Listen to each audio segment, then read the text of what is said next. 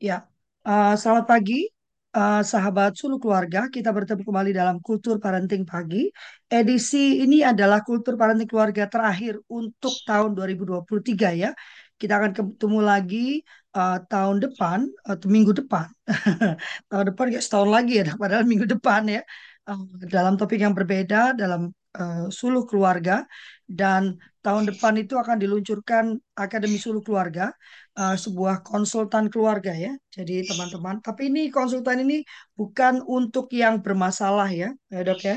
Bukan kalau yang bermasalah itu Anda harus pergi ke uh, psikolog atau ke uh, ke konsultan keluarga yang berlisensi ya dok, benar ya dok ya. Iya, Tapi kami mencoba untuk mengambil sisi men- menguatkan, menyiapkan orang tua ataupun uh, anak remaja. Uh, jadi program ini dimulai di usia 18, sorry 16 sampai 18 tahun. Kemudian ke persiapan atau orang yang sudah ingin menikah atau juga bagi orang tua yang sudah memiliki anak ya. Uh, Akademi Seluruh Keluarga akan mulai beroperasi di tahun depan ya, uh, bulan Januari. Dan pagi ini seperti janji saya ya, tapi sayangnya terkait dengan Natal segala macam, rupanya cukup sibuk dan cukup membuat kesehatan saya naik turun ya. Maka baru tadi malam menjelang pagi saya baru bisa menyusun dan saya cukup eh, bingung gitu bagaimana karena sebetulnya eh, perangkat hukumnya eh, cukup banyak gitu ya. Eh, walaupun ini tadi Teteh mengatakan bahwa surat edaran itu tidak cukup kuat gitu.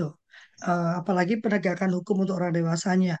Eh, saya rasa bahkan sampai ke Undang-Undang Perlindungan Anak pun ya teh eh, waktu eh, ancaman hukumannya cukup jelas uh, itu tetap uh, apa penegakan hukumnya sangat lemah gitu ya. Apalagi kalau nanti kita bicara tentang uh, tentang ini ya uh, sekolah-sekolah yang melakukan pelanggaran. Uh, boleh saya izin membuka apa yang saya tuliskan. Nanti kemudian kita sama-sama mendiskusikan uh, tambahan-tambahan apa yang perlu disampaikan. Baru kemudian nanti uh, mohon bantuan uh, Teh Yanti ya uh, dan juga nanti saya masukkan lagi yang saya kenal untuk disebarkan. Nah, nanti juga akan kita diskusikan bersama apakah memerlukan misalnya eh, apa itu teh eh, kita buat satu acara gitu ya eh, secara online mengundang para wartawan dan menyampaikan eh, eh, apa apa yang menjadi concern kita. Nanti kita diskusikan bersama juga ya. Oke.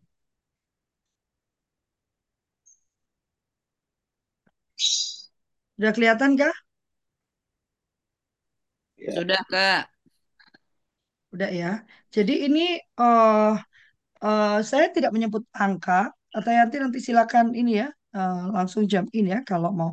Karena Lovely ini sambil buka ini jadi agak sulit melihat eh, apa melihat eh, apa namanya chat ya. Eh, sehingga saya hanya menyampaikan bahwa ini diluncurkan tanggal 28 Maret sebagai bagian dari Merde- Merdeka Belajar episode ke-24. Memang benar ya, Teh. Episodenya banyak banget, bukan satu diperdalam tapi lebar, panjang tiga kali lebar ya. Lalu diikuti pelatihan dan apresiasi Bunda PAUD, eh, tetapi tetap ada banyak muncul kebingungan terkait poin-poin transisi yang coba diajukan oleh episode ke-24 tersebut. Poin-poin transisi ter- poin-poin tersebut adalah transisi PAUD ke pendidikan dasar perlu berjalan dengan mulus, pondasi dibangun secara holistik, kemampuan literasi dan numerasi dibangun bertahap, dan siap sekolah adalah proses bukan hasil. Ya, adapun pondasi belajar yang dimaksud adalah mengenal nilai agama dan budi pekerti, kematangan emosi yang cukup untuk berkegiatan di lingkungan belajar, keterampilan sosial dan bahasa yang memadai untuk berinteraksi sehat dengan sebaya dan individu lainnya, pemanaan terhadap belajar yang positif, pengembangan keterampilan eh, motorik dan perawatan diri yang memadai untuk dapat berpartisipasi di lingkungan sekolah secara mandiri. Yang keenam, kematangan kognitif yang cukup untuk melakukan kegiatan belajar seperti dasar literasi, numerasi, serta pemahaman tentang hal mendasar yang terjadi dalam kehidupan sehari-hari. Eh, ini sampai di sini, Tayanti, ataukah perlu aku masukkan itu ya? Eh, apa eh, yang tahun yang nomor 30 tahun 2019 itu loh. Yang tentang keterlibatan keluarga karena di situ itu ada ada poin tentang literasi itu teh. Ada yang mau menambahkan sampai ke titik ini, Dokter Bagus? iya, iya itu yang betul tuh yang keluarga tuh ya. Kan sekolah itu kan tripartit ya. Guru, iya. murid, dan orang tua.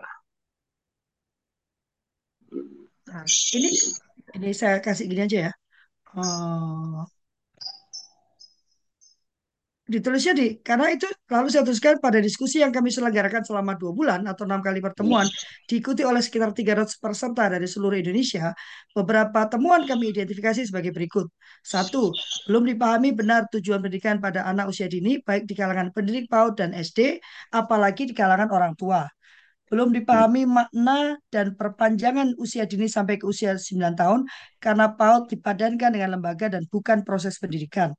Yang ketiga, hmm. calistung dipahami sempit hanya pada aktivitas belajar menulis dan membaca huruf serta menghafal dan mengoperasikan angka dalam soal matematika. Yang keempat, belum dioptimalkannya peran keluarga dalam pendidikan anak usia dini. Nah, ini uh, di mana ya aku perlu uh, memasukkan itunya ya, ya? Yang itu lagi apa? Pemahaman sempit itu. Itu harus diurai ya, diurai dikit ya. Iya, gimana Teh, Pak?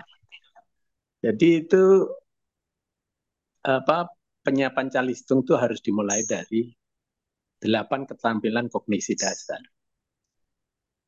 Itu. Jadi mulai keseimbangan, motorik kasar, daya tangkap, motorik halus, daya balas, ya kan?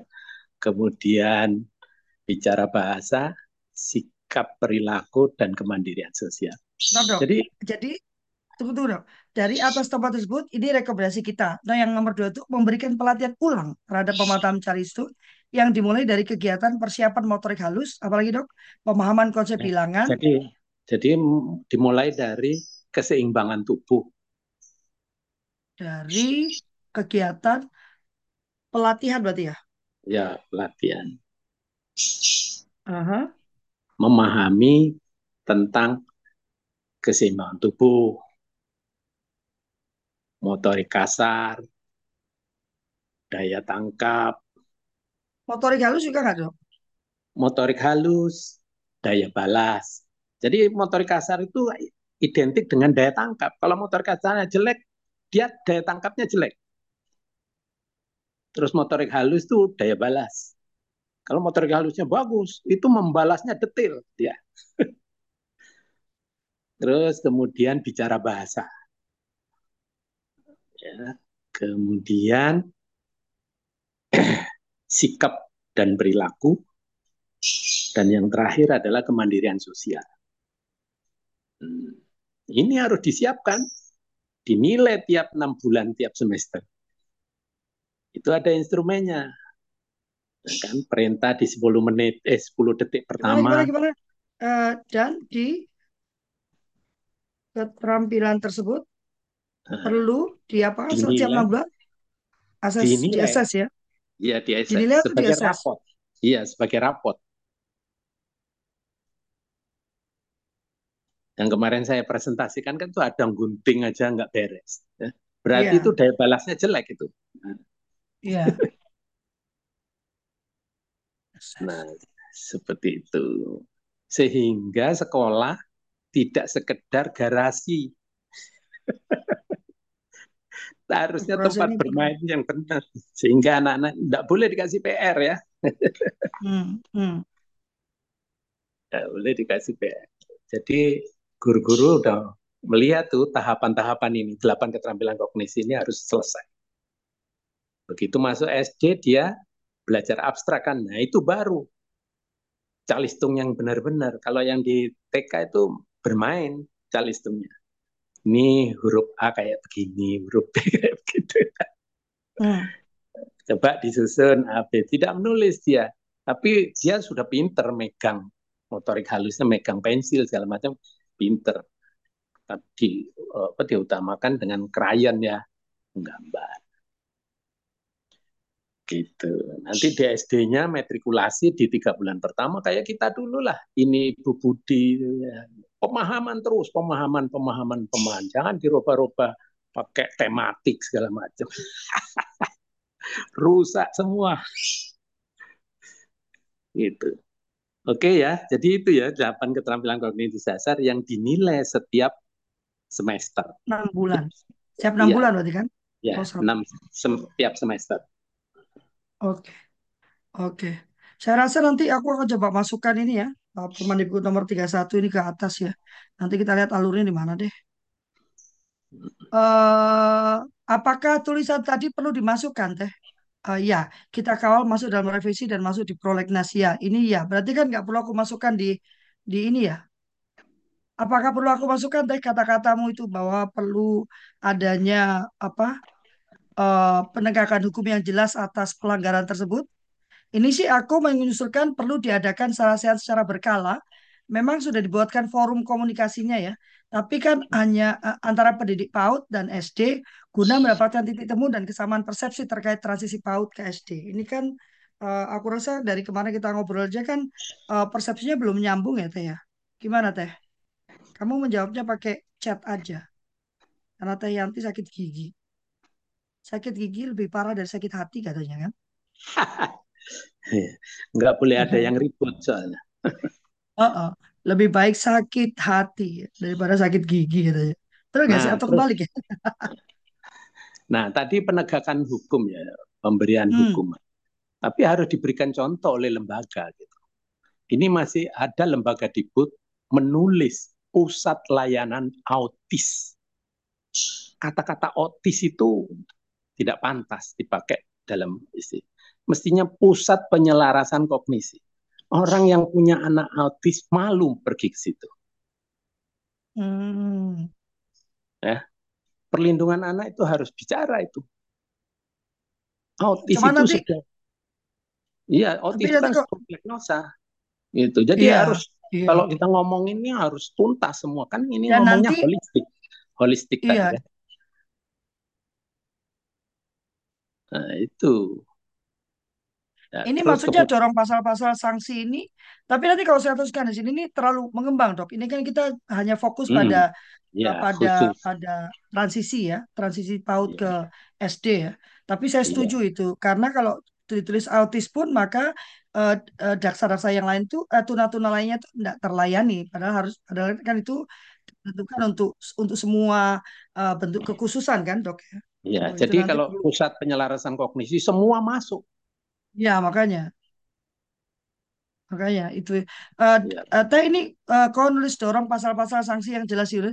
Ini apakah perlu dituliskan di di di ini tulisan kita ini atau uh, apa? Ini kan nanti kan waktu revisi Undang-Undang Sidinas kan? Atau aku ya. tuliskan di sini? Uh, uh, memastikan uh, uh, apa proses transisi ini diakomodir gitu ya dengan jelas dalam revisi undang-undang sis diknas. uh, sis sisi diknas ya sisdiknas. Dan dipastikan uh, uh, selaras dengan undang-undang perlindungan anak. anak. Gitu teh.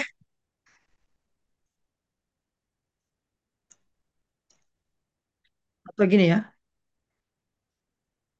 Uh, atau jangan jelas koma termasuk uh, apa sanksi bagi uh, lembaga maupun orang tua yang melakukan pelanggaran ya kan Begitu teh.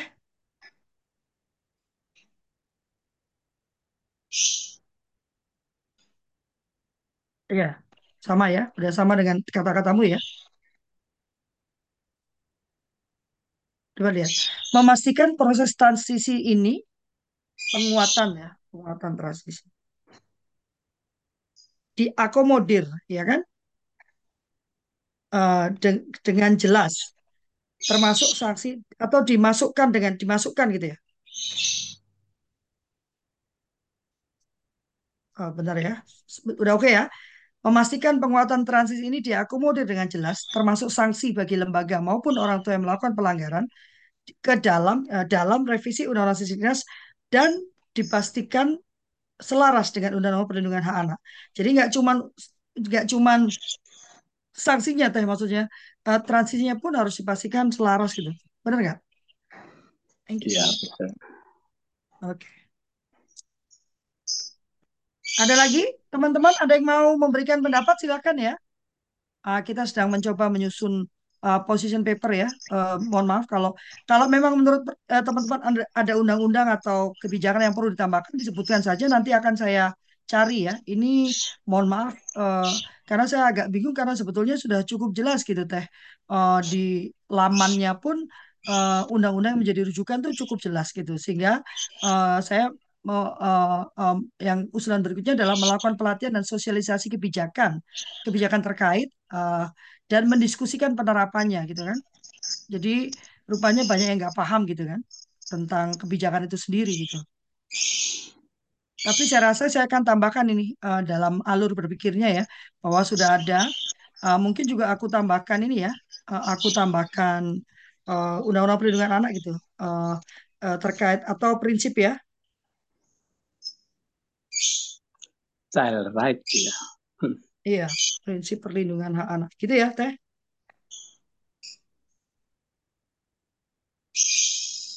Ah ya, itu nanti berarti uh, uh, Teh nanti bilang perlu eksplisit menyatakan pengembangan usia dini di, sampai usia 8 tahun. Oh, 8 tahun ya, tulisnya 9 tahun. Okay. Uh, eh, sampai usia 8 tahun. Ini cukup nggak ini penguatan transisi ini di dalam sini nomor 6 ini. Tapi nanti waktu kita membuat uh, re, apa membuat uh, apa usulan revisi itu teh seperti yang kita rencanakan ini ini dimasukkan gitu atau perlu tertulis secara eksplisit di di di di surat kita ini bagaimana teh?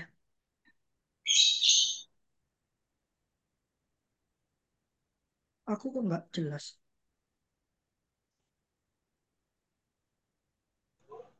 Berarti gini. Berarti nomor tujuh merevisi uh, cakupan, gitu ya, uh, pendidikan dasar, eh salah, pendidikan apa? Di sisi itu sebutannya SD itu apa teh? Ya dasar benar. Pendidikan dasar tuh SD SMP kan? Dasar, pendidikan dasar. Itu bukannya SD SMP ya? Sekolah dasar itu SD lah, SD. Betul, betul SD. Jadi TK sama SD itu isinya adalah untuk pemahaman. Pemaham. Jadi kurikulumnya harus kurikulum pemahaman. Nah, di SMP itu lanjutan dari pemahaman ke lebih advance. SMP, SMK, SMA atau SMK. Jadi ini anak yang sudah SMP masih belum paham, repot juga kita. Iya. Jadi kurikulumnya harus dirubah itu, mendasar lagi itu. Harus dibedakan kalau mau pakai digital lima segala macam itu ekstrakurikuler. Intrakurikuler harus baku pemahaman. Yang namanya setengah itu bulatan dipotong setengah itu itu ngerti ini anak-anak lulus SD nggak ngerti itu wah itu kacau sehingga di SMP setengah mati guru-guru mapel itu menjelaskan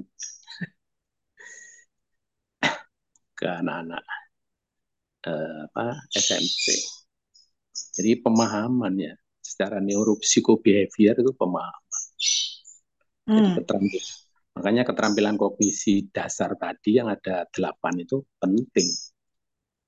Dia, ya. dia Iya. Teh, berarti tulisannya merevisi cakupan pendidikan anak usia dini dalam Undang-Undang Sidiknas menjadi usia 2 sampai 8 tahun, begitu? Berarti nanti kalau itu terrevisi, um, uh, berarti nanti berubah semua dong, termasuk uh, standar pendidikannya, kayak gitu tuh? Iya, harus berubah. Ya, benar nggak? Berarti kan uh, kayak uh, target apa uh, apa ya uh, uh, uh, standar layanan pendidikan uh, Uh, terus apa lagi teh? Uh, berarti mengubah bawahnya banyak banget kan nanti? Uh, apakah capaian belajar di kurikulum Merdeka itu udah mengakomodir transisi ini ya? Udah, sudah berubah nggak ya? Ada yang tahu nggak, teman-teman? Ya sebetulnya si Merdeka itu membebaskan kita mau ngapain di situ.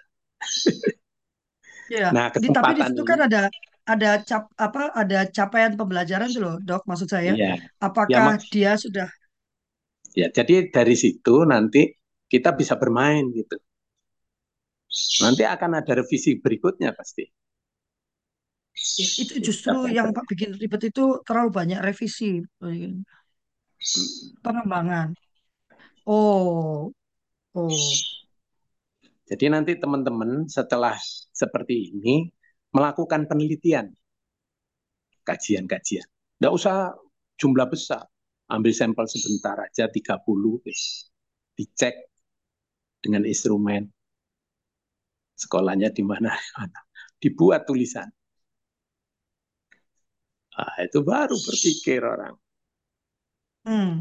Tanya kita tunjukkan Tapi itu nama. kajian itu tuh sebetulnya kajian itu sudah ada dok itu. Makanya kan tadinya saya mau masukkan yang dokter sampaikan itu kan karena itu kan menggugah banget. Tapi ternyata uh, uh, sudah ada. Jadi uh, di surat edarannya itu Kak Tetri itu udah disebutkan bahaya-bahayanya gitu. Uh, yang merujuk ke mengapa tidak uh, boleh, tidak boleh, tidak boleh gitu loh. Uh, bahkan di lamannya itu sebenarnya sudah ada gitu. Hmm, Tapi cuman masalahnya cuman kajian-kajian kajian-kajian yang dilakukan ini belum menukik gitu. Belum menukik ke sasaran yang sebenarnya. Ya kan? Misalnya ada contoh anak gunting nggak tepat di garis itu, itu di penelitian itu belum ada. Padahal di Denver itu di penelitian internasional Sinut itu ada itu yang saya tayangkan kemarin yang saya curi itu pakai hmm. pakai foto itu iya kalau itu diteruskan berarti, tuh cakep itu Wah. iya uh, oke okay. berarti tapi kan nggak bisa di nggak bisa dituliskan di sini dok karena itu nanti iya. kan itu kan uh, ya, ini kan -apa. berarti ini, ini disampaikan udah benar sih ini dibetulkan iya, kayak begini. Iya, nggak artinya berarti udah sepakat kan bahwa memang belum dipahami benar tujuan pendidikan pada anak usia dininya gitu kan. Makanya iya, kan dok, temuan dokter adalah gunting aja nggak bisa gitu kan, mau gimana iya. gitu kan. Padahal harusnya di PAUD ini yang seperti itu dipastikan dulu gitu, menarik iya. garis lurus itu sudah oke, okay, dia tidak gemeteran, dia tidak ya kan dia melakukannya dengan santai gitu kan uh, menggunting juga demikian ma jalan maju jalan mundur menyamping itu dilakukan dengan dengan dalam tanda kutip dengan santai artinya sudah dikuasai dengan benar gitu ya. Iya. Benar kan dok? Kalau dia iya. paham ya. ini nih, kalau dia paham pondasi belajar anak ini, benar kan dok? Maka ya. harusnya temuan ini nggak ada dong. Maka kalau ya. kenapa enam ini tidak dipahami? Karena tujuan pendidikannya chat tidak terlalu dipahami. Tujuan pendidikannya itu bukan membuat anak apa ya? Uh, memang siap belajar, tapi bukan berarti udah tinggal tinggal bisa baca, tinggal bisa nulis itu. Tapi posisinya itu di pondisi bela eh, sorry posisinya itu di pondasi belajar ini loh yang mesti di mesti di, hmm. dikuatkan gitu kan? Iya itu hanya di permukaan aja itu calistem iya betul betul. Tetap aja anak itu bodoh. Gitu. dengan benar. Oke. Ada lagi nih teman-teman? Ayo yang lainnya ini memang agak ini ya, uh, agak apa? Kita sedang menulis uh, uh, is it position paper? Aku position paper ya, karena itu menyatakan apa pendapat kita ya dan apa yang kita usulkan ya. Gimana yang lainnya? Pak Benyamin, Pak Teguh, Kak Rusmin, katanya ke ini di bengkel nih, mengikuti kita dari bengkel. Hebat, eh. Uh, Kak Desem, Kak Azwarni. Saya yang ngikuti uh, saya, Kak, kalau pilih. Teguh ngikuti. Siap. Ya. Nanti kalau sudah kita buat, sampaikan juga ke ini ya, ke dinas di sana ya. Ya, siap. Kenapa Kak Desem? Izin mengikuti, izin mengikuti aja. Oh, biasanya kok paling ini nih, paling semangat kalau tulisan tentang kebijakan. Iya, tapi aku lagi kurang sehat. Enggak enak. Oh, cepat sembuh ya. Hari ini banyak yang sakit ya. Yanti juga nggak galak hari ini karena sakit gigi. Oke, tambahkan konsep. Eh, berarti belum pahami dengan benar. Yang mana? Oh, eh, konsep dan tujuan gitu ya. Dari, berarti ada darinya ya. Oke, belum dipahami benar konsep dan tujuan dari ini yang perubahannya. Yang saya buat huruf berbeda ini, ini perubahan-perubahannya ya. Oke.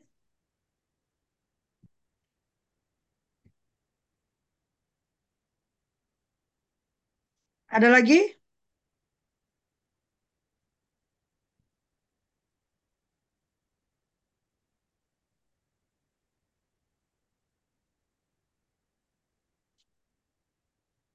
Bagaimana, teman-teman? Aku bacakan lagi ya. Uh, mungkin nanti teh di mana ya? Aku perlu menambahkan uh, di sini kali ya. Di sini ya. Tambahan-tambahan tuh taruhnya di tengah ini ya. Uh, apa lagi yang perlu tambahkan ya? Uh, prinsip hak anak. Terus uh, Permendikbud itu ya terkait keter keterlibatan orang tua. Karena di di apa di surat edaran maupun di tulisannya itu uh, tugas orang tua tuh cuman kayak ngajak jalan-jalan di sekolahnya gitu loh teh. Ini belum ada di ininya ya? Belum ada apa? Belum ada di surat edarannya. Oke. Oke. Ada lagi yang perlu Lovely tambahkan? Nanti nggak aku cantumkan tapi aku ramu ya. Gitu ya teh. Nanti silakan. Jadi se sebelum itu di-sharekan. Oke, coba. Cek UNICEF. Terkait apa teh?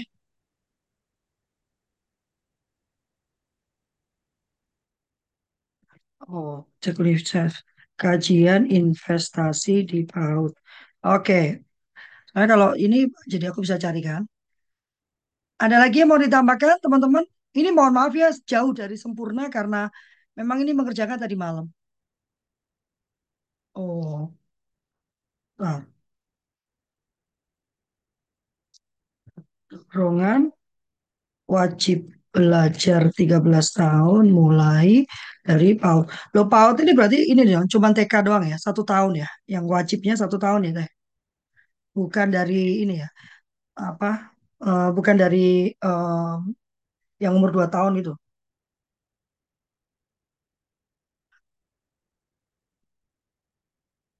Oh, Oke, okay. oke, oke. Bukannya sekarang udah ya, karena Dapodik itu uh, Dapodik itu kan uh, dimulai dari TKB ya, nomor induk siswa itu uh, onnya di TKB ya. Uh, artinya TKB itu sekarang wajib gitu. Teman-teman ada lagi? Kak Rizka, ini teman-teman dari SD, apakah ada yang ingin ditambahkan? Uh, ini saya lihat banyak teman dari SD nih. Ada yang mau disampaikan gitu supaya bisa diakomodir nanti? UNICEF tuh uh, aku belum tahu ya uh, Kak Tetri itu mesti aku cek lagi dulu isi UNICEF-nya, lalu nanti di, di cross check ke ke lamannya uh, dan ke surat edarannya ya. Hari ini aku akan coba lakukan itu ya. Aku cari dulu ini semua. Uh, kalau Persebulan ada ya, lalu Permendikbudnya ini aku cari dulu, termasuk UNICEF-nya ya, baru nanti bisa aku sampaikan. Ada lagi teman-teman? Ini Abdal Matin ini, Kak Abdal Matin ini di Bandung bukan ya? Ref ini referen atau gimana? Saya di Bandung, Bu. Oh, itu Tayanti di Bandung juga. Ya, saya baru anggota baru, baru dua dua kali ikut ya. Saya apa namanya eh, eh, apa namanya tertarik lah pada karena apa namanya karena memang ini masalah yang cukup besar ya, yang cukup yang harus kita didikan. Jadi saya nyimak dulu Bu ya nyimak dulu Ya, karena siap. saya harus uh, memahami dulu. Cuman maksud saya gini, mungkin Hmm, tambahkan sedikit ya. siap. Ini kan dalam rangka advokasi ya. Hmm, Uh, pemerintah uh, pertama kepada pemerintah, justru yang paling penting menurut saya advokasi kepada masyarakat ya. Siap. Karena Ya. masyarakat kan, masyarakat terutama ya dalam hal ini orang tua dan masyarakat umum, kan melihat keberhasilan sekolah itu dikaitkan dengan keberhasilan ekonomi di masa depan. Itu kan selalu itu. Iya. Jadi kalau kalau di Bandung istilah saya itu apa? Masuk ke yang favorit, gitu ya. Sekolah favorit, SD TK favorit, SD favorit, SMP favorit, SMA favorit, perguruan tinggi favorit, dapat kerjaan yang favorit, gaji gede, kawin, meninggal, sudah gitu aja. Kalau saya istilahnya seperti itu. Jadi memang Jangan Kak Abdul Matin tambahin supaya nanti kalau udah gajinya gede bisa biayain orang tuanya. Enggak, padahal kan tujuannya kan bukan itu kan ya. Makanya Oh. orang kan head on, bukan head on apa ya. Jadi selalu makanya kalau lu oh eh TK yang PAUD yang paling bagus tuh kalau anaknya sudah bisa ngaji berapa ayat gitu. Kan gitu. Kalau Hmm. sudah bisa ngitung gitu. Padahal kan bukan seperti itu apa yang kat- kata dokter tadi.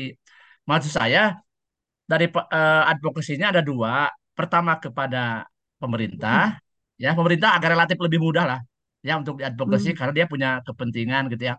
Yang agak susah kan memang ini masyarakat nih, terutama orang tua ya orang tua di di di orang tua TK, orang tua eh, ki- kita sendiri aja gitu kan eh, Hmm. ilmu ilmu parentingnya kan jauh banget gitu dengan perkembangan anak kan kira-kira gitu. Jadi menurut saya Hmm. ini ditujukan kepada pemerintah dan juga advokasi untuk misalnya eh, kepada masyarakat melalui kan banyak lembaga yang memperhatikan Hmm. pendidikan anak tuh banyak kan gitu ya Hmm. sehingga menjadi gerakan kalau ini tidak menjadi gerakan tidak akan Eh, makanya saya juga kebetulan eh, aktif di organisasi ya ada program yang seperti ini juga mirip-mirip mah gitu ya cuman judulnya Hmm. kepada keluarga yang bertanggung jawab ujung-ujungnya kan gitu ya Hmm. jadi pendidikan eh, eh, usia dini ini saya kira itu Hmm. sebagai perkenalan ya ya kalau Ya. terima kasih banyak eh, Ibu ya dan teman-teman sekalian mohon saya diterima sebagai anggota baru ya mungkin ke depan bisa berikut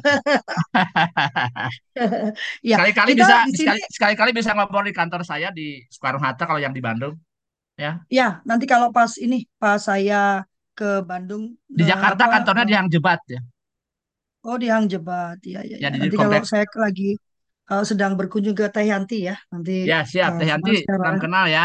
Kita ketemu nanti. Oh, siap siap. Studi Ekonomi Kelas Dunia Peraih Nobel Bidang Ekonomi Pro James Heckman menunjukkan Return to Education atau di, ini dari mana nih Teh? Ini ini kata-kata ini dari mana? Rujukannya mana Teh? Oh, laman Kemendikbud kan? Ya itu berarti makanya tuh aku tuh agak kesulitan mau ini karena sebenarnya lamannya itu udah cukup cukup apa lengkap gitu loh Teh. Berarti kan bukan urusan eh, apa?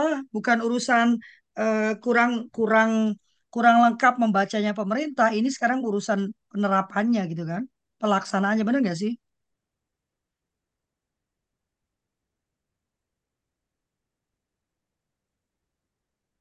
Coba aku tuliskan di sini deh tambahannya ya.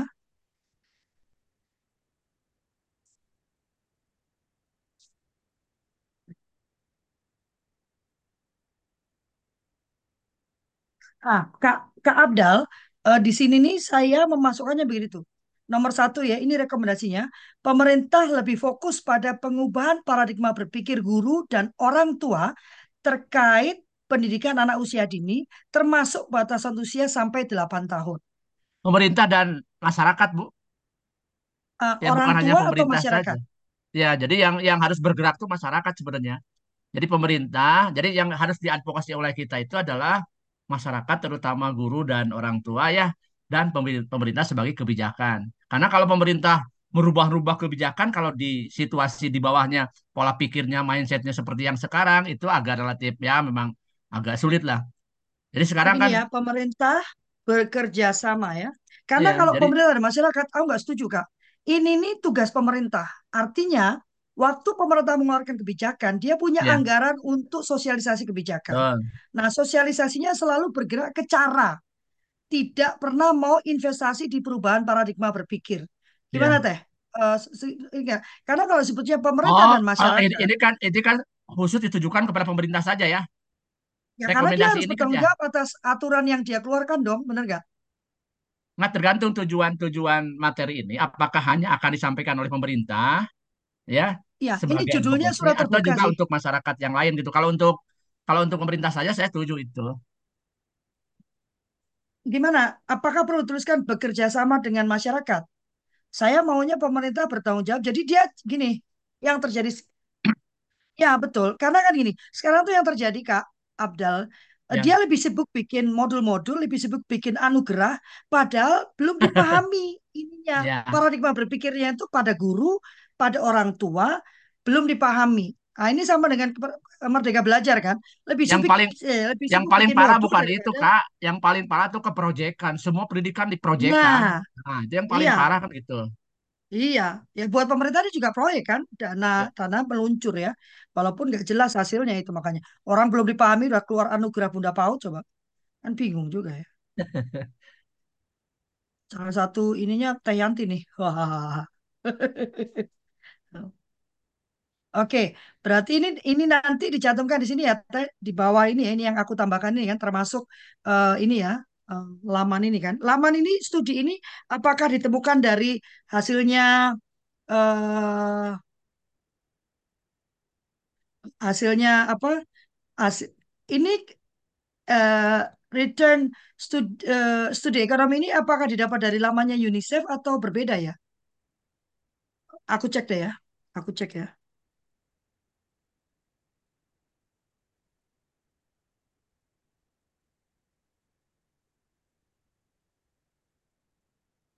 Oke, oke, oke. Terima kasih Kak Abdal, keren, keren. Oh, ini langsung dikasih dikasih linknya aku. Ya, ini aku udah ketemu Teh Yanti kemarin. Oke, oke, oke, oke, oke. Teh Yanti udah kasih di grup tuh ya. Nanti saya akan coba ini ya. Saya akan coba eh, gabungkan.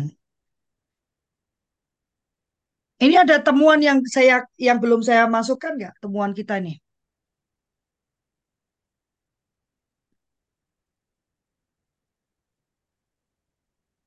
Hmm,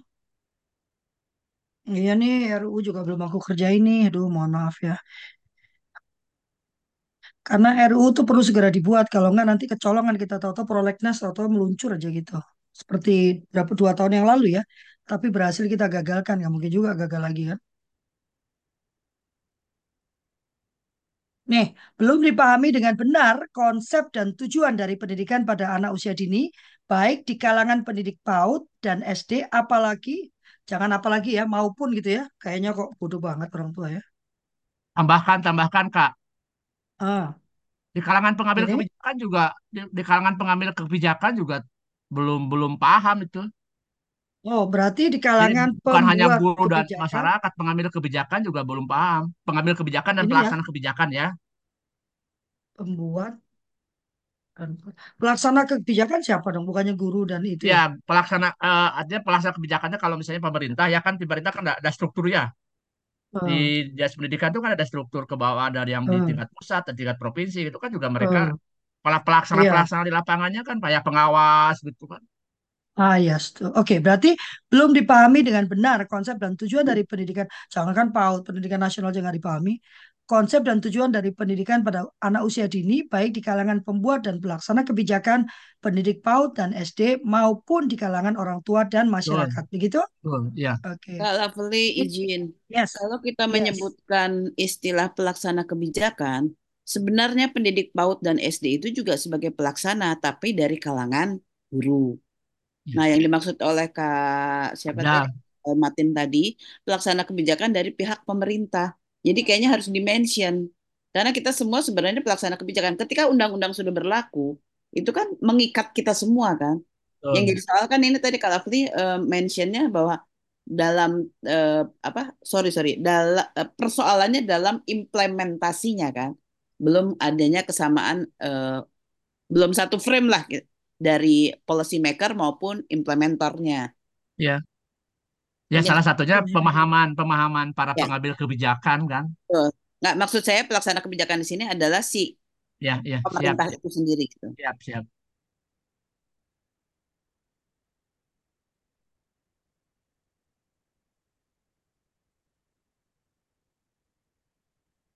Gitu.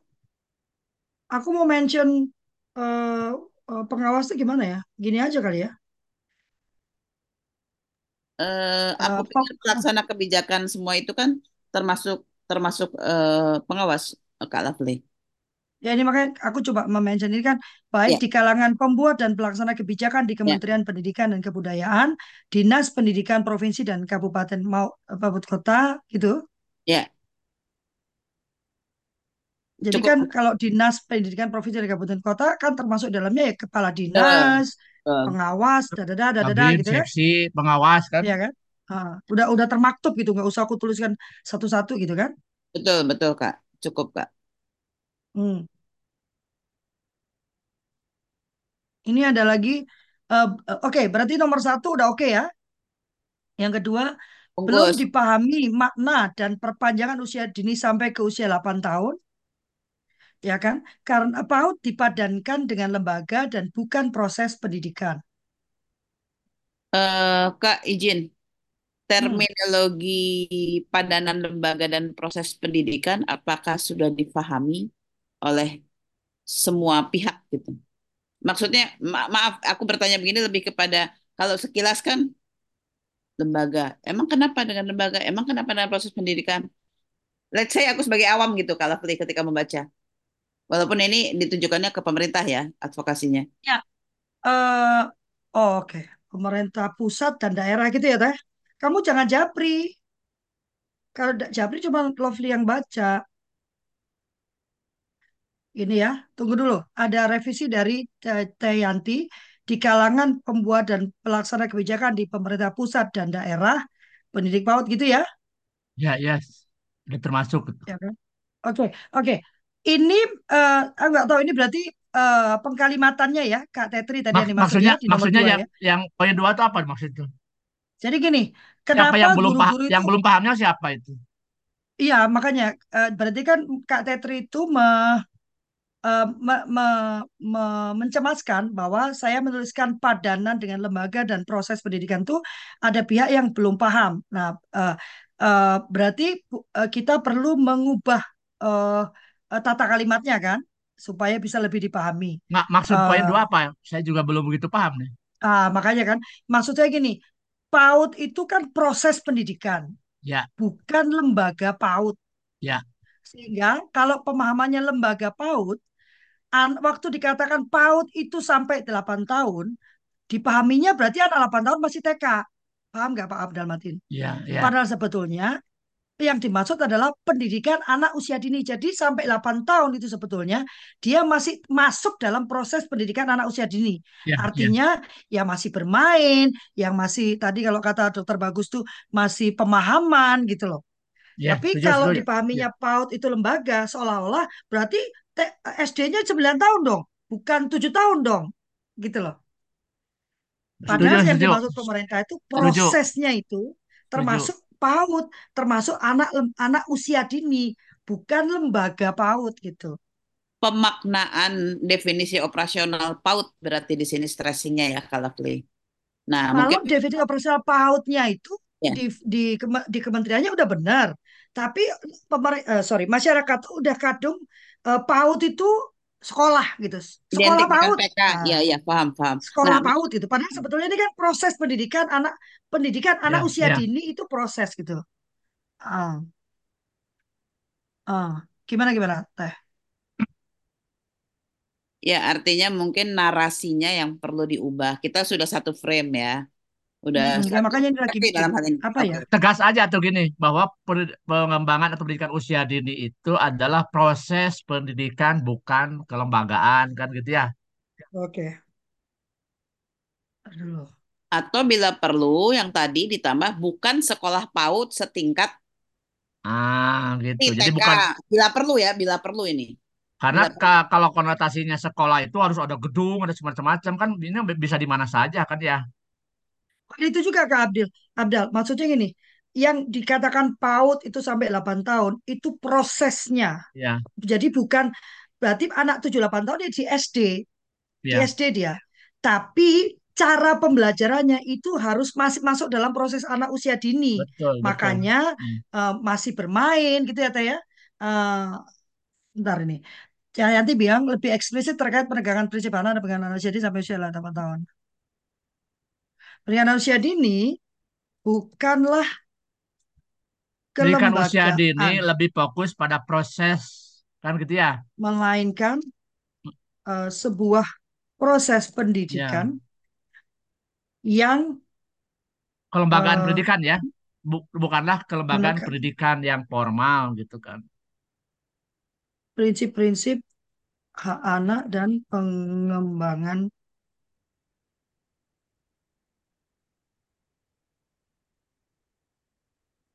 Pemenuhan, pemenuhan hak anak bukan penegakan, pemenuhan. Bentar. Pendidikan yang me- me- me- pemenuhan prinsip-prinsip anak. yang memenuhi itu Ya. Jadi PAUD itu kan kewajiban dasar pemerintah dalam rangka memenuhi prinsip-prinsip hak anak. ya, ya, tapi maksudku ini ini eh, gimana nih? Gimana ya Sebas? Jadi PAUD itu saat ini ini dipahami oleh masyarakatnya itu itu lembaga. Lembaga pendidikan. Lembaga. Sehingga waktu dikatakan PAUD itu sampai 8 tahun yang ada dalam benak guru eh, karena beberapa guru juga telepon saya protes ya dalam benak guru dan masyarakat berarti anak 8 tahun itu masih TK karena yang ada dalam benak dia itu PAUD itu lembaganya karena kan sekarang ada rancu tuh eh, sekolah di mana di PAUD gitu kan jadi kalau Nah, kalau ini kalau 8 ini bahasanya, masih Mbak, kalau ini bahasanya usulan advokasi, menurut saya lebih tegas saja. Kan gitu ya. ini Pendidikan ya ini usia pendidikan ini usia ini dini di- harus dipahami gitu ya bahwa Nah, ini maaf, adalah ini proses. temuan. Kalau temuan saya bukan harus. Temuannya itu Oh, kan bahwa ternyata temuannya orang itu nggak paham waktu dikatakan ya, ya. PAUD itu bukan bukan bukan lembaganya, tapi proses pendidikannya. Ini, ini temuan ya, ini masih di tahap temuan ya, Ya, siap, siap. ya kan temuan. Kita menemukan bahwa kenapa terjadi Oke. resistensi awal karena para, apa namanya eh, pemahaman orang itu waktu kita ngomong PAUD itu lembaga. Jadi Ya kan, anak kan, PAUD pindah ke SD gitu kan. Ya, Jadi ya. waktu dibilang 8 tahun, bayangan orang tuh berarti anak 8 tahun tuh oh, di, di, di masih TK dong, belum SD dong. Berarti mundur dong gitu loh.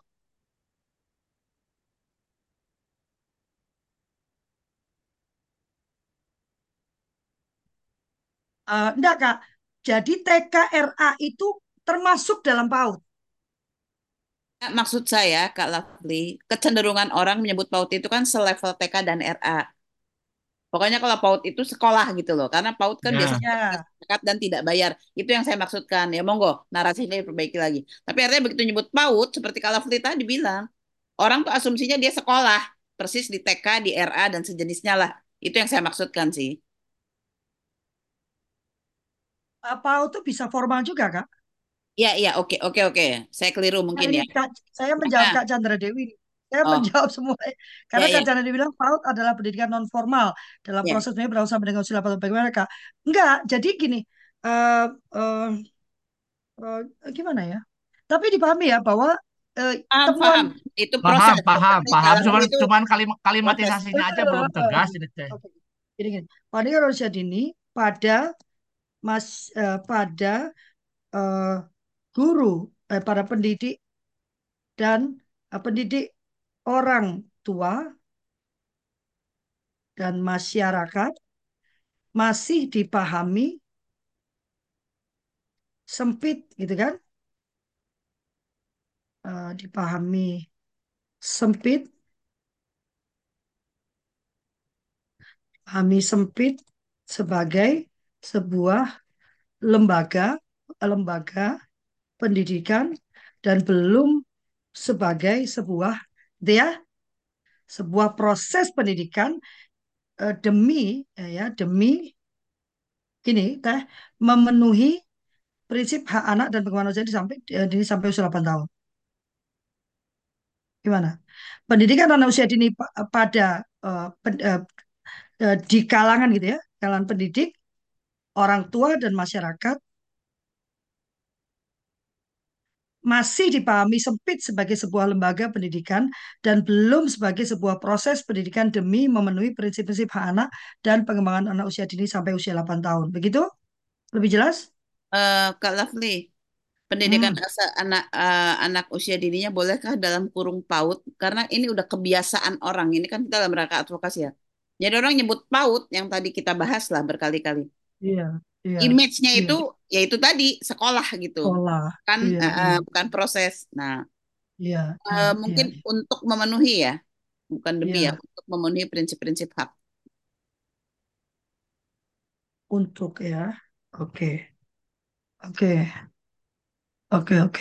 Pendidikan anak usia dini atau PAUD di kalangan pendidik, orang tua, dan masyarakat masih dipahami sempit sebagai sebuah lembaga pendidikan dan belum sebagai sebuah proses, eh, proses sebuahnya kok dua kali, sebuah proses pendidikan untuk memenuhi prinsip-prinsip hak anak dan pengembangan anak usia dini sampai usia 8 tahun. Begitu? Ya. Ter, uh, bukan sebagai sebuah mungkin ya serangkaian proses ya, karena dia rangkaian kan dari Oke. Rangkaian ya menurut sudut pandang saya. Iya. Nah, Iya, iya, kemudian eh, lembaga pendidikan untuk untuk lebih eh, apa namanya ada reinforcement, bolehkah dari garis miring sekolah? Karena kalau sekolah berarti oh PAUD itu bukan sekolah, tapi dia adalah proses gitu. Memungkinkan tidak? Apa? Gimana gimana? Ya, jadi eh, PAUD di kalangan pendidik, orang tua dan masyarakat masih dipahami sempit sebagai sebuah lembaga pendidikan garis miring sekolah. Nah, orang kan or, eh, image-nya tuh sekolah PAUD tuh. Oh, oke. Jadi mempermudah pemahaman aja. Iya, iya. Iya, iya. Eh, Artinya Oke PAUD itu Kak kan Da- Abdal, identik terima kasih. eh, a- apa eh, identik dengan sebuah gedung eh, atau sebuah rumah kan ya kalau di masyarakat. Jadi harus Iya, ada seperti itu. Padahal tidak demikian yang dimaksudkan oleh kita di sini gitu kan.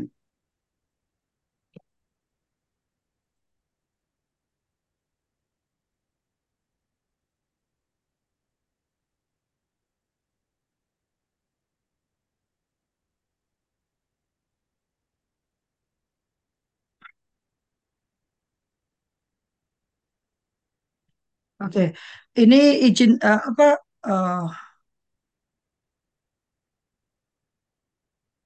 anak sampai Oke, Eh, pendidikan anak usia dini atau PAUD di kalangan pendidik, orang tua dan masyarakat masih dipahami sempit sebagai sebuah lembaga pendidikan atau sekolah dan belum sebagai pengembangan anak usia dini holistik integratif untuk memenuhi prinsip-prinsip hak anak sampai usia 8 tahun. Ini pada holistik integratif sejak tahun berapa teh? Berarti kan PR-nya nggak selesai ya, Ya, cakep cakep udah cakep bungkus. Ya kan? PAUD HI. Nah, itu tahun 2013 loh teh. Sampai hari ini belum dipahami pengembangannya kan masih dipahaminya sebagai lembaga. Berarti kan PR-nya masih panjang itu ya. Oke ya, nomor dua oke ya. Nomor tiga, calistung dipahami sempit hanya pada aktivitas belajar menulis dan membaca huruf, serta menghafal dan mengoperasikan angka dalam soal matematika. Clear. Menurut aku clear ini nggak ambigu. Nah, Miku ya. Dayanti, udah oke? Teman-teman yang lain? Ini sambil belajar menuliskan advokasi ya. Nah, ini nanti judulnya surat terbuka ya. Mhm.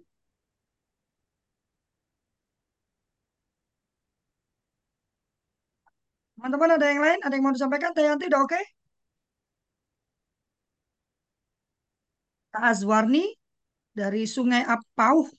Ih, Cakep. Itu dia itu kan bener pas kamu banget. Apa ibu salah? Klik Ih, cantik kamu pakai warna terang kayak gitu sekali-sekali. Bagus banget.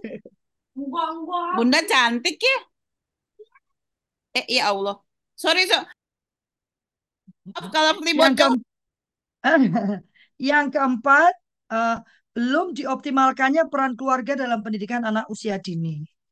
Karena di di laman eh, di laman apa di laman itunya pun teh eh, tugas orang tua itu cuman cuman apa menyiapkan menye- mengenalkan lingkungan sekolah uh, memberitahu apa yang akan terjadi besok gitu. Jadi masih ke dari empat uh, peran uh, di Permendikbud yang nomor 30 kalau nggak salah ya.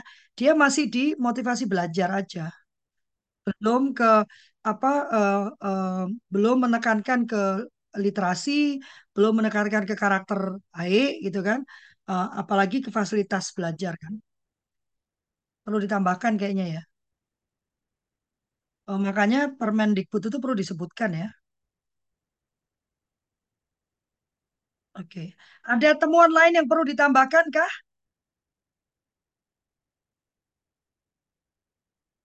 Ada temuan lain yang perlu ditambahkan? Saya cuma bisa terpikir empat ya. Oh, oke. Gimana Teh?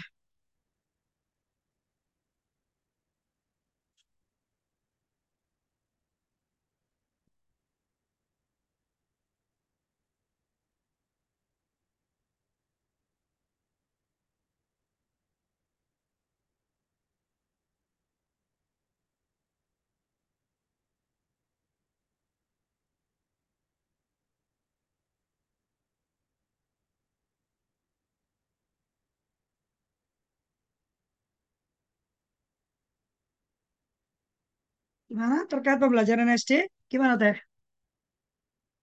Belum sinambungnya ya uh, proses pembelajaran uh, dari dari uh, uh, apa?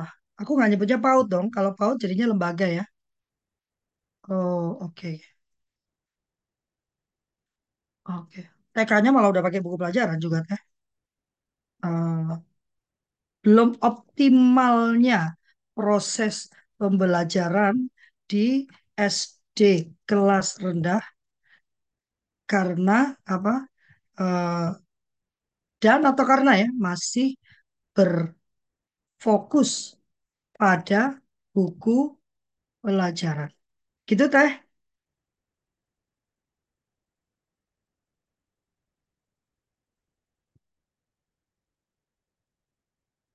Uh, kalau Fli, karena stressingnya ya. sampai usia 8 tahun mungkin dimension ya.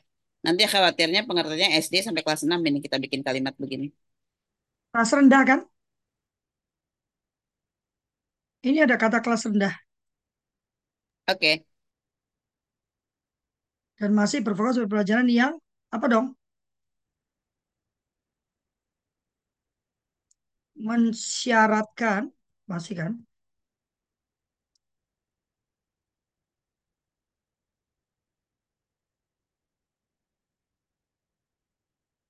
Memacu uh, proses pengembangan berpikir kritis analitis. Itu ya teh?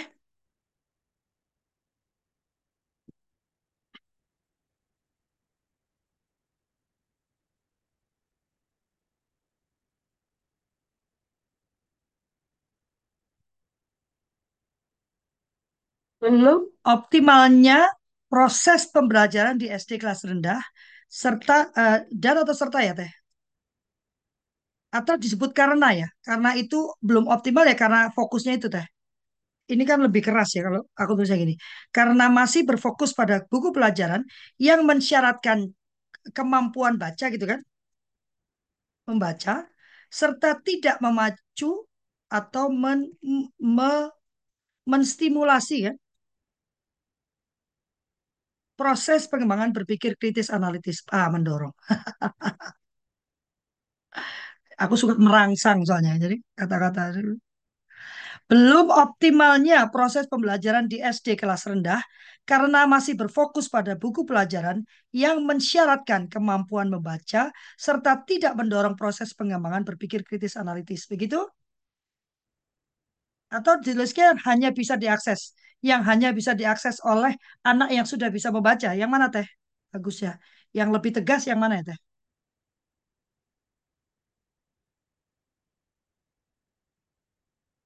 Gimana teman-teman? Udah oke, okay, oke, okay, oke. Okay. Okay, okay. Belum op belum optimalnya proses pembelajaran di SD kelas rendah karena masih berfokus pada buku pelajaran yang mensyaratkan kemampuan membaca serta tidak mendorong proses pengembangan berpikir berpikir kritis analitis. Atau eh, langsung aja ya tidak mendorong proses pengembangan profil pelajar Pancasila ya? Gimana teh? Oh jangan. Oke. Susah nih kalau Tete gak bisa ngomong nih jadi berasa waktu saya nyetir uh, dianya ngetik jadi aku kirim voice note dia jawab dengan tulisan. Ada lagi temuannya? Tuh kan udah nambah kan udah lima. Ada lagi temuannya? Teman-teman SD teman-teman TK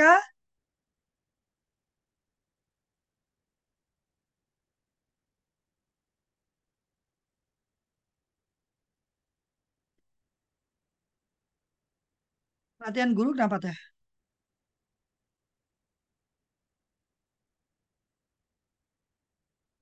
Kalau pelatihan guru itu apakah uh, lebih ke rekomendasi atau temuan teh?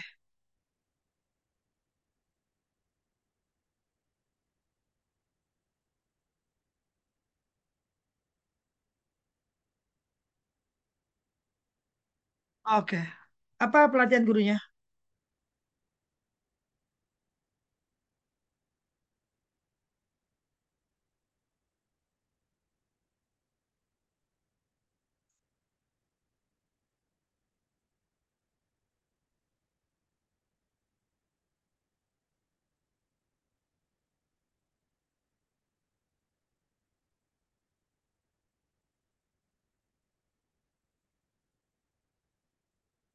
Yang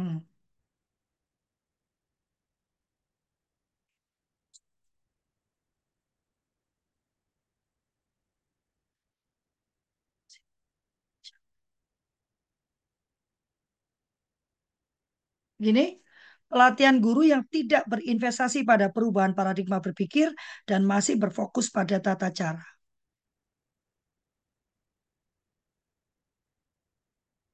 Gitu ya.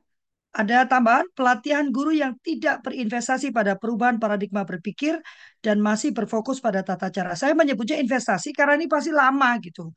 Sementara pemerintah itu kan nggak nggak nggak sabar, maunya dikasih tahu sekali, ngerti, paham, langsung uh, dikasih tahunya pun dengan PowerPoint yang sudah dibuatkan oleh pemerintah.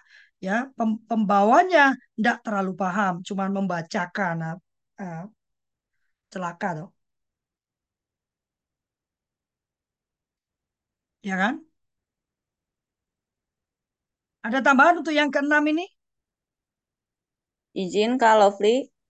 Ya, Kak Pia. Ini ya, eh, tidak adanya to be continue dari fase fondasi ke fase A-nya itu ya. Kan di TK itu namanya fase fondasi ya. Harusnya hmm. berkelanjutan tuh dari fase fondasi ke fase A ketika memasuki jenjang SD itu kan. Itu yang saya amati di lapangan itu tidak terjadi itu ya. Apa tuh ya? Belajar uh, di PAUD yang belum uh, apa ber apa tadi kak? Ini ya kok aku agak bodoh kata-kata ini.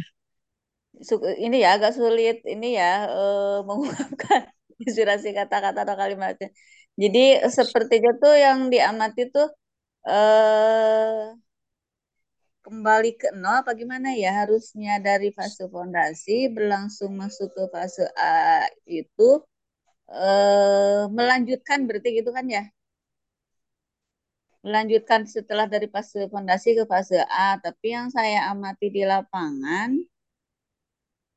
apa ya? Fase fondasi memang ada perannya tapi seperti mereka itu diagnostik awalnya itu kayaknya tuh nggak berjalan gitu loh. Ah, bingung deh kata-kata. Nah, nah.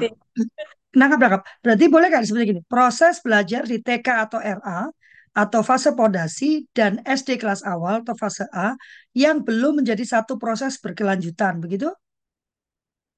Ya, bisa-bisa ya. Tayanti? Uh, Kak Tetri, Dokter Bagus, yang lainnya gimana? Eh? AK.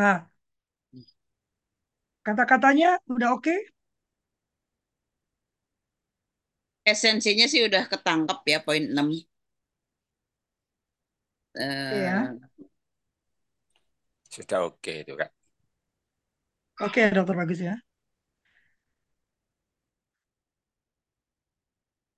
Oke, sudah tujuh nih. Saya bacakan lagi ya dari awal ya. Nah, baru kalau yang poin tujuh izin kalau klik kok kayak hmm. ada kata terpenggal ya, berfokus pada tata cara. Kayak kesanku seperti kalimat belum selesai, tapi aku jujur belum punya ide. Um, Oke, mau ditambah apa ya? Tapi dipahami nggak ya maksud saya dengan tata cara itu? Metodologi mungkin ya yang dimaksud di sini ya.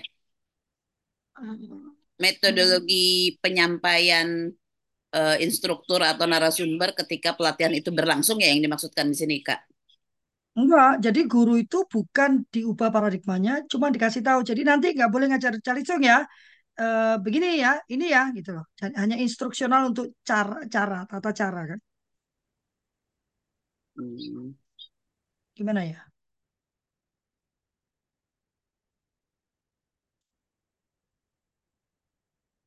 Gimana teh? Wah, udah jam 8 lebih 16 loh ini. Luar biasa ya, pada libur soalnya ya.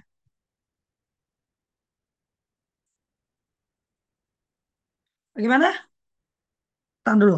Pelatihan guru yang tidak berinvestasi masih berfokus pada atau orientasi pelatihan orientasi pelatihan guru sebatas uh, apa ya? Sebentar belum menemukan kata-kata yang pas kak maaf Uh, aku memang mau menyebutkan ini investasi perubahan paradigma berpikir ini yang masih selalu mau bicara kurikulum merdeka pun ini ini yang dilupakan, dilewatin bukan bahkan bukan dilupakan dilewati ya. Jadi orang nggak diubahkan dulu cara berpikirnya langsung gini ya, nggak boleh gini ya, harusnya begini ya. Nah itu kan nggak nggak ada manfaatnya ya. Kayak kenapa uh, kita bersepakat tidak mau mengajarkan calistung karena kan kita sudah paham uh, dari para dokter bagus sehingga kita berubah pikiran kan? Kita tidak mau anak-anak kita mengalami kerusakan-kerusakan itu.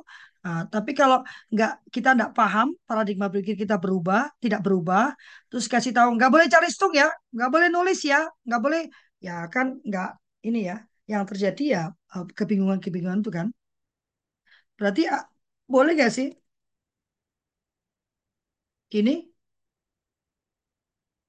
Gini kan metodologi mengajar gitu teh? Lebih oke okay nggak? Lebih ah, kalimat ah, tertutup ya lebih lebih uh, lebih nyambung lah maksudnya lebih oke. Okay. oke okay, ya. Oke. Okay. lebih difahami lebih tepatnya. Iya iya ya. teh uh, sebetulnya aku maunya tuh jangan profesi guru itu nggak masuk ke dalam 20% gimana? Perlu dimasukkan juga nggak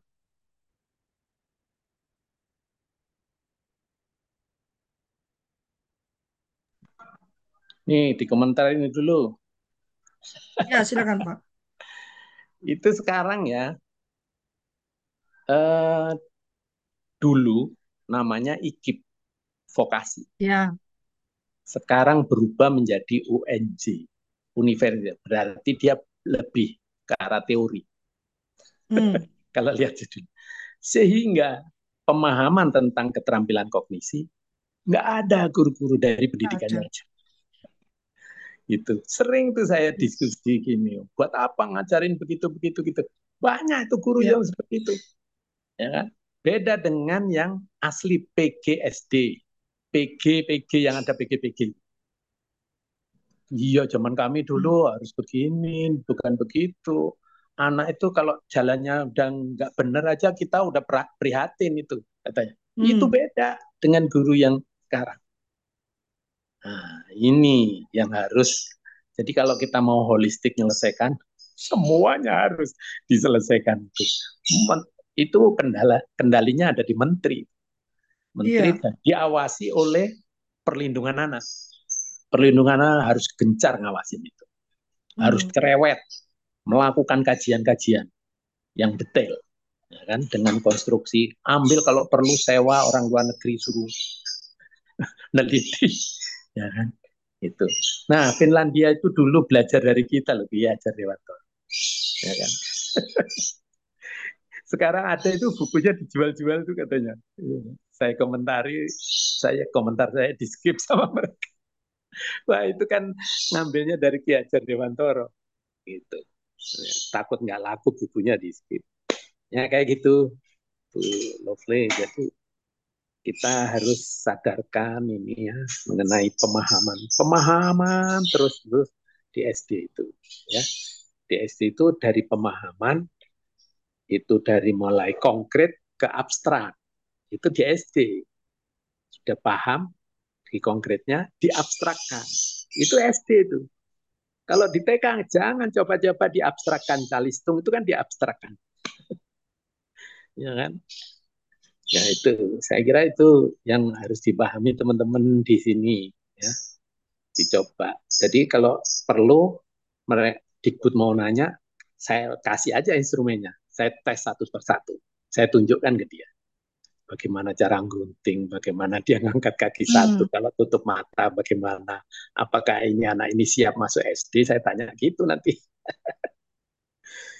itu supaya tahu. Jadi rubah itu UNJ jadi ikip lagi, saya bilang gitu. Bisa begitu Tuh. nanti. Ya. Setuju. PTK itu kepanjangan dari apa ya? Apa? PTK? LPTK itu apa ya? tindakan kelas. Bukan LPTK, LPTK lembaga. Lembaga pendidikan dan pelatihan ya. Tenaga guru, keguruan, tenaga keguruan. Maksudku, Tayanti ini kan mengusulkan reformasi LPTK. Uh, hmm. perlu nggak yang disampaikan dokter bagus tuh diakomodir juga gitu loh teh. Jadi bukan LPTK-nya aja, uh, uh, tapi uh, apa program Isinya. pendidikan gurunya itu ya termasuk kan. Jadi orang yang masuk ke UNJ pun itu fokus gitu loh. Gimana? Iya. Mm-hmm. Ya kan? Karena itu nggak fokus jadi mohon maaf ya jadi profesi guru ini sekarang jadi main-mainan gitu. Iya. Kadang-kadang bisa digantikan anak lulusan SMA gitu di swasta-swasta. Coba. Nah, itu Kalau ketika... di luar negeri itu uh, uh, kalau di luar negeri itu sekolah guru itu uh, uh, sendiri apa gimana sih teh? Uh, kalau nggak salah ada ada ada pelatihan profesio profesinya ya? Oh kayak ini ya, kayak apa namanya ini? Empat empat apa itu? Akta empat ya? Iya. Cuman akta Apakah... empat itu isinya lebih ke arah ke ini apa? Sertifikasi ya, menyiapkan sertifikasi.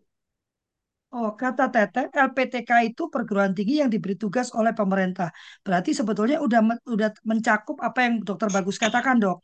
Jadi hmm. semua lembaga perguruan tinggi yang melatih tenaga kependidikan dan tenaga eh pendidik dan tenaga kependidikan itu menurut eh, uh, untuk uh, baru diminta untuk menyiapkan pendidik PAUD dan SD yang memahami konvensi hak anak dan konsep da dalam konsep dan praktek. Jadi ini punya dokter yang tadi sampaikan dokter udah ter udah terakomodir di sini ya, uh, dok. Karena yeah. ternyata LPTK itu perguruan tinggi yang oleh pemerintah ditugasi menjalankan program pengadaan guru.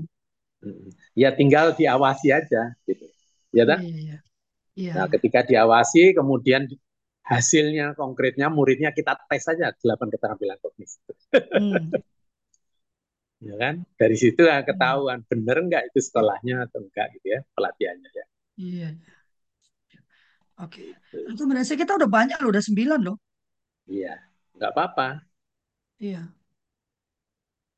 Yang penting nanti seperti Asapena melakukan kajian deh, kajian-kajian itu.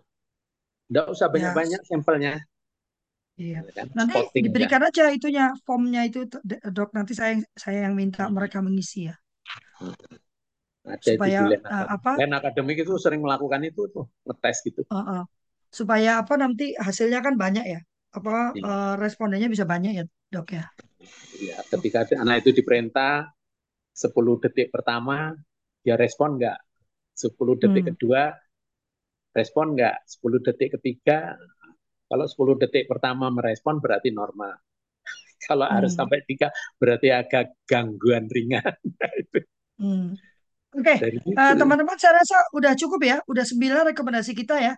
Nanti kalau kebanyakan jadi undang-undang sendiri, nanti kita Iya. bikin bikin Permendikbud Iya. sendiri kita nanti. Akhirnya kita disuruh duduk sana bikinlah undang-undang sendiri. gitu. Eh, ya kan? Oke, saya bacakan lagi ya. Nanti revisi yang saya harus lakukan adalah menambahkan prinsip perlindungan hak anak, Permendikbud terkait keterlibatan orang tua, Perpres 60 tahun 2013 tentang PAUD HI, lalu Uni- UNICEF terkait eh, investasi di PAUD, eh, dorongan wajib belajar 13 tahun mulai dari PAUD, lalu studi ekonomi ini ada di lamannya lamannya apa Kemendikbud ya nanti saya cek. Lalu pada diskusi ini temuannya adalah satu belum dipahami dengan benar konsep dan tujuan dari pendidikan pada anak usia dini, baik di kalangan pembuat dan pelaksana kebijakan di pemerintah pusat dan daerah, pendidik PAUD dan SD maupun di kalangan orang tua dan masyarakat. Yang kedua, pendidikan anak usia dini atau PAUD di kalangan pendidik, orang tua dan masyarakat masih dipahami sempit sebagai sebuah lembaga pendidikan atau sekolah dan belum sebagai pengembangan anak usia dini holistik integratif atau PAUD HI untuk memenuhi prinsip-prinsip hak anak sampai usia 8 tahun. Calistung dipahami sempit hanya pada aktivitas belajar menulis dan membaca huruf serta menghafal eh, dan mengoperasikan angka dalam soal matematika. Yang keempat, belum dioptimalkannya peran keluarga dalam pendidikan anak usia dini. Kelima, belum optimalnya proses pembelajaran di SD kelas rendah karena masih berfokus pada buku pelajaran yang mensyaratkan kemampuan membaca serta tidak mendorong proses pengembangan berpikir kritis analitis. Yang keenam, proses belajar di TK atau RA atau fase fondasi dan SD kelas awal atau fase A yang belum menjadi satu proses berkelan yang berkelanjutan ya. Eh, satu proses berkelanjutan. Yang ketujuh, orientasi pelatihan guru yang tidak berinvestasi pada perubahan paradigma berpikir dan masih berfokus pada metodologi mengajar. Atas teman tersebut, maka kami merekomendasikan satu, pemerintah lebih fokus pada perubahan paradigma berpikir guru dan orang tua terkait pendidikan anak usia dini termasuk batasan usia sampai 8 tahun. Kedua, memberikan pelatihan ulang tentang pemahaman calistung yang dimulai dari kegiatan kegiatan memahami tentang keseimbangan tubuh, persiapan motorik kasar yang identik dengan daya tangkap, motorik halus terkait dengan daya balas, bicara bahasa, sikap dan perilaku, serta kemandirian sosial. Keterampilan tersebut perlu diakses uh, di di di assess tuh gimana ya bahasanya dinilai dinilai takutnya ini ya perlu disertakan gitu kan sebagai laporan berkala setiap enam bulan atau per semester. Ketiga, melibatkan orang tua sebagai pendidik pertama dan utama bagi anak usia dini. Yang keempat, perlu diadakan titik uh, sarasehan secara berkala antara pendidik PAUD dan SD. Uh, PAUD ini nggak bisa nih TK kali ya. Dan SD kelas awal guna mendapatkan titik temu dan kesamaan persepsi terkait transisi PAUD ke SD. Nah, tapi wong uh, apa teh uh, pemerintah sendiri memakai istilahnya PAUD loh. PAUD ke SD gitu. Ini maksudnya apa? Apakah berarti pemerintah sendiri membaca PAUD itu sebagai lembaga? Yang kelima, melakukan pelatihan dan sosialisasi kebijakan terkait dan mendiskusikan penerapannya. Keenam, memastikan penguatan transisi ini diakomodir dengan jelas, termasuk sanksi bagi lembaga maupun orang tua yang melakukan pelanggaran dalam revisi Undang-Undang Sisdiknas. Ya, sudah. Dan dipastikan selaras dengan Undang-Undang Perlindungan Hak Anak. Uh,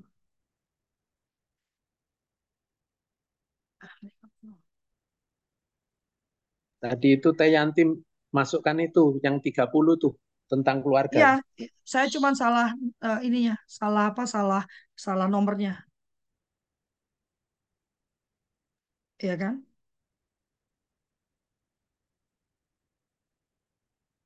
Ya. Ya. Ini nggak usah ditulis lagi berarti. Ya kan?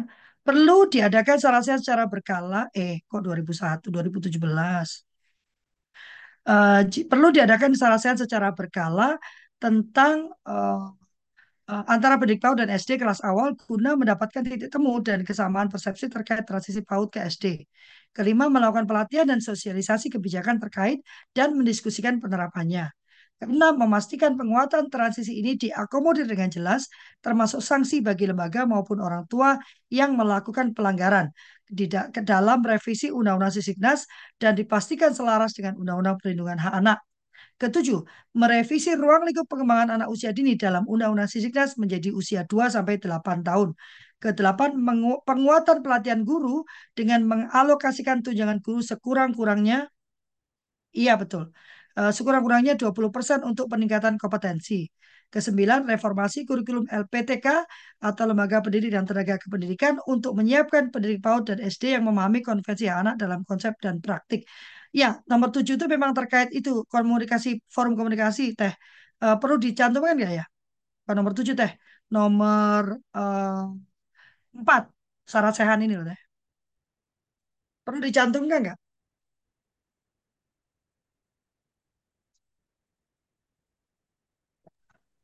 Perlulah. Ini ya. Perlu dicantumkan uh, ya. Uh, yes. Pendidik PAUD dan SD eh, apakah tidak menimbulkan inkonsistensi terminologi yang kita gunakan? Ini kan berarti iya. orientasi ya. sebagai lembaga. Maka, makanya aku tanya Teteh karena uh, judulnya itu kan transisi PAUD ke SD yang menyenangkan gitu loh Teh. Apakah ya. di iya. pemerintah juga sudah terjadi kerancuan itu ya Teh? Maksudnya Nampaknya dia masih demikian. Gimana Teh? Iya kan? Teteh kan yang bagian dari kegerakan ini.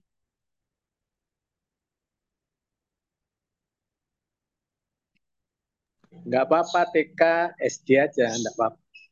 Nanti otomatis PAUD itu akan ikut.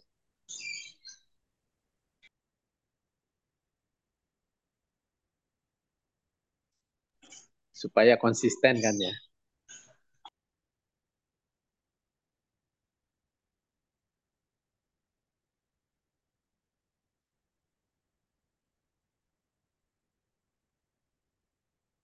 Gimana teh?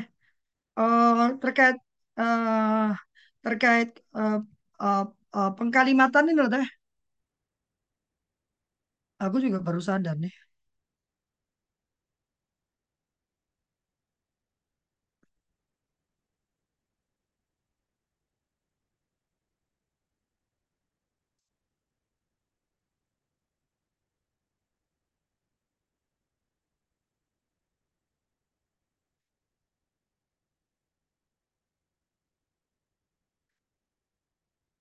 Ah, tadi ya.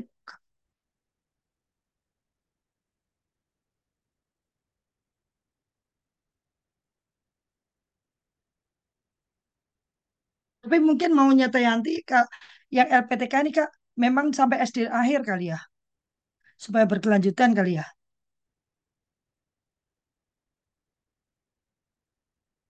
Karena memang aku tuh udah jadi lembaga kan, memang. Jadi ada kebingungan antara kelembagaan sama proses gitu. Karena kalau nggak salah ya, eh, di Undang-Undang Sisdiknasnya sebutannya juga PAUD ya teh. PAUD itu di dalamnya kalau formal itu TK, kalau non formal itu uh, PAUD ya teh sama RA. Uh -uh.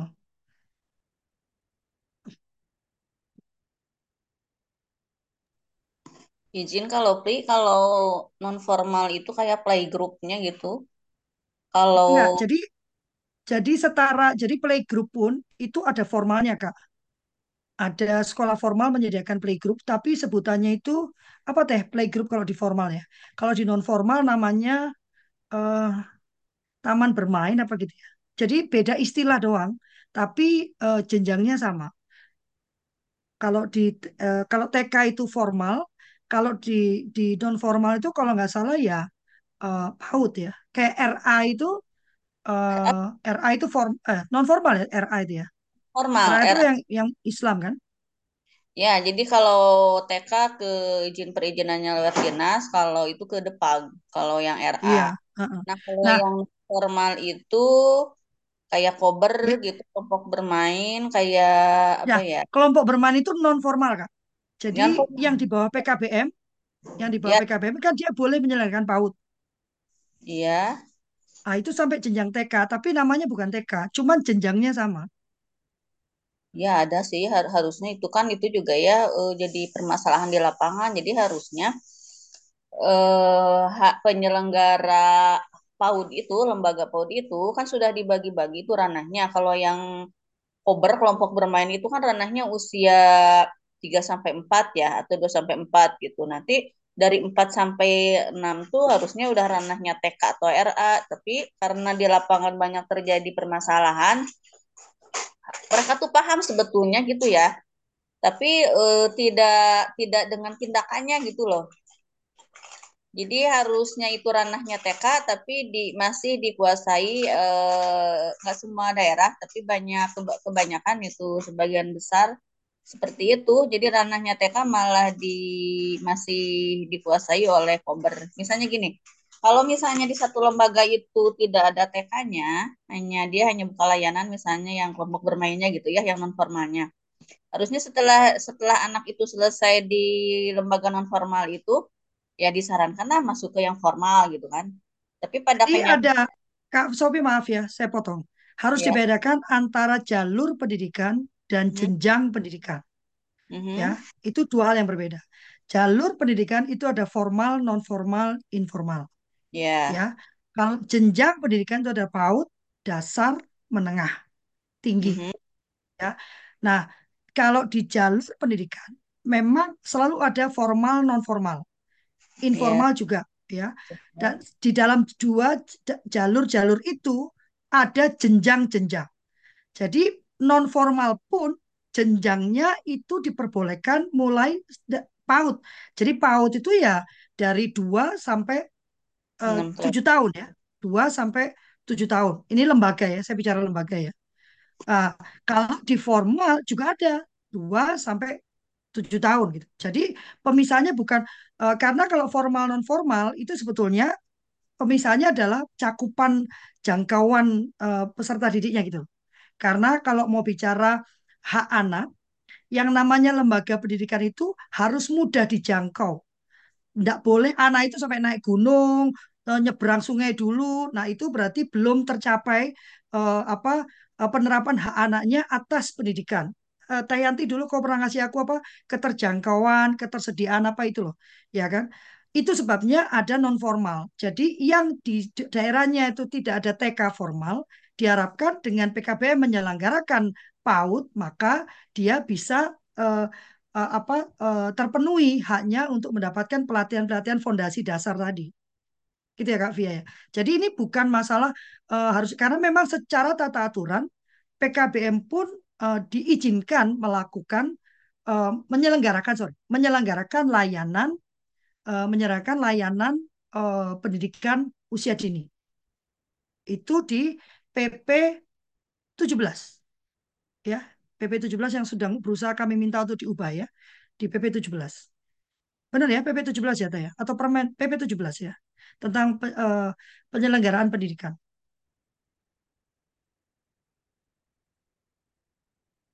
Oke oke ya. Baik, terima iya. kasih ya. kalau di informasinya. Semakin paham ya. sekarang. Duh, iya, kultur ya, jadi... luar biasa nih ilmunya. Beruntung eh. banget bisa masuk grup ini. Terima kasih Pak. Kakak kalau kayak gitu tuh harus nanyanya ke Tayanti. Tayanti hafal banget semua itu. Saya tuh uh, di, uh, di mentorin dia itu luar biasa karena dia marah-marah terus kalau saya lupa uh, ininya rujukan rujukan uh, kebijakannya. Oh, iya. Wajib diundang ini untuk masa transisi PUD SD nih di Subang. Oh iya, oh iya, iya, iya. Dengan senang hati. Oke, okay? Berarti ini sudah cukup ya, saya rasa ya. Ini nanti bisa jadi lima halaman karena saya belum menambahkan ini. Yang lima, lima poin ini belum saya tambahkan ya. Uh, terus uh, rekomendasi kita sudah sembilan kan. Tapi apa perlu prolog nggak itu ya? Uh, prolog lagi nanti panjang lagi. Karena tadinya nggak, biasanya saya nggak, ini cuma nyantum, dengan... cuma nyantumkan ini apa? Itu di OECD itu ya, OECD itu oh. dunia. Itu kita itu di urutan di grup lima loh, urutan terbawah itu.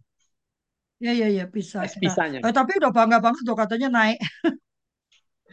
Naiknya cuma merambat sedikit. Dan gini, naiknya itu karena posisi dunianya turun akibat COVID. Jadi bukan iya. kita membaik, tapi dunianya iya. turun. Jadinya kita naik. Ya tetap so, harus di, harus disebut itu persaingan di OECD gitu. Tes PISA ya. Tes PISA. Betul, betul. Atau mungkin aku tambah, jadi uh, boleh nggak sih Teh? Jadi konsideran-konsideran di di di itu tuh aku masukkan dalam konsider, uh, dalam pembukaan kita ya. Boleh ya Teh ya? Agak panjang dikit, coba saya masukkan nanti ya. Oke, ini saya gini ya, saya tuliskan gini ya. Nanti saya saya saya buat dulu. Iya, biar ngah gitu ya. Iya.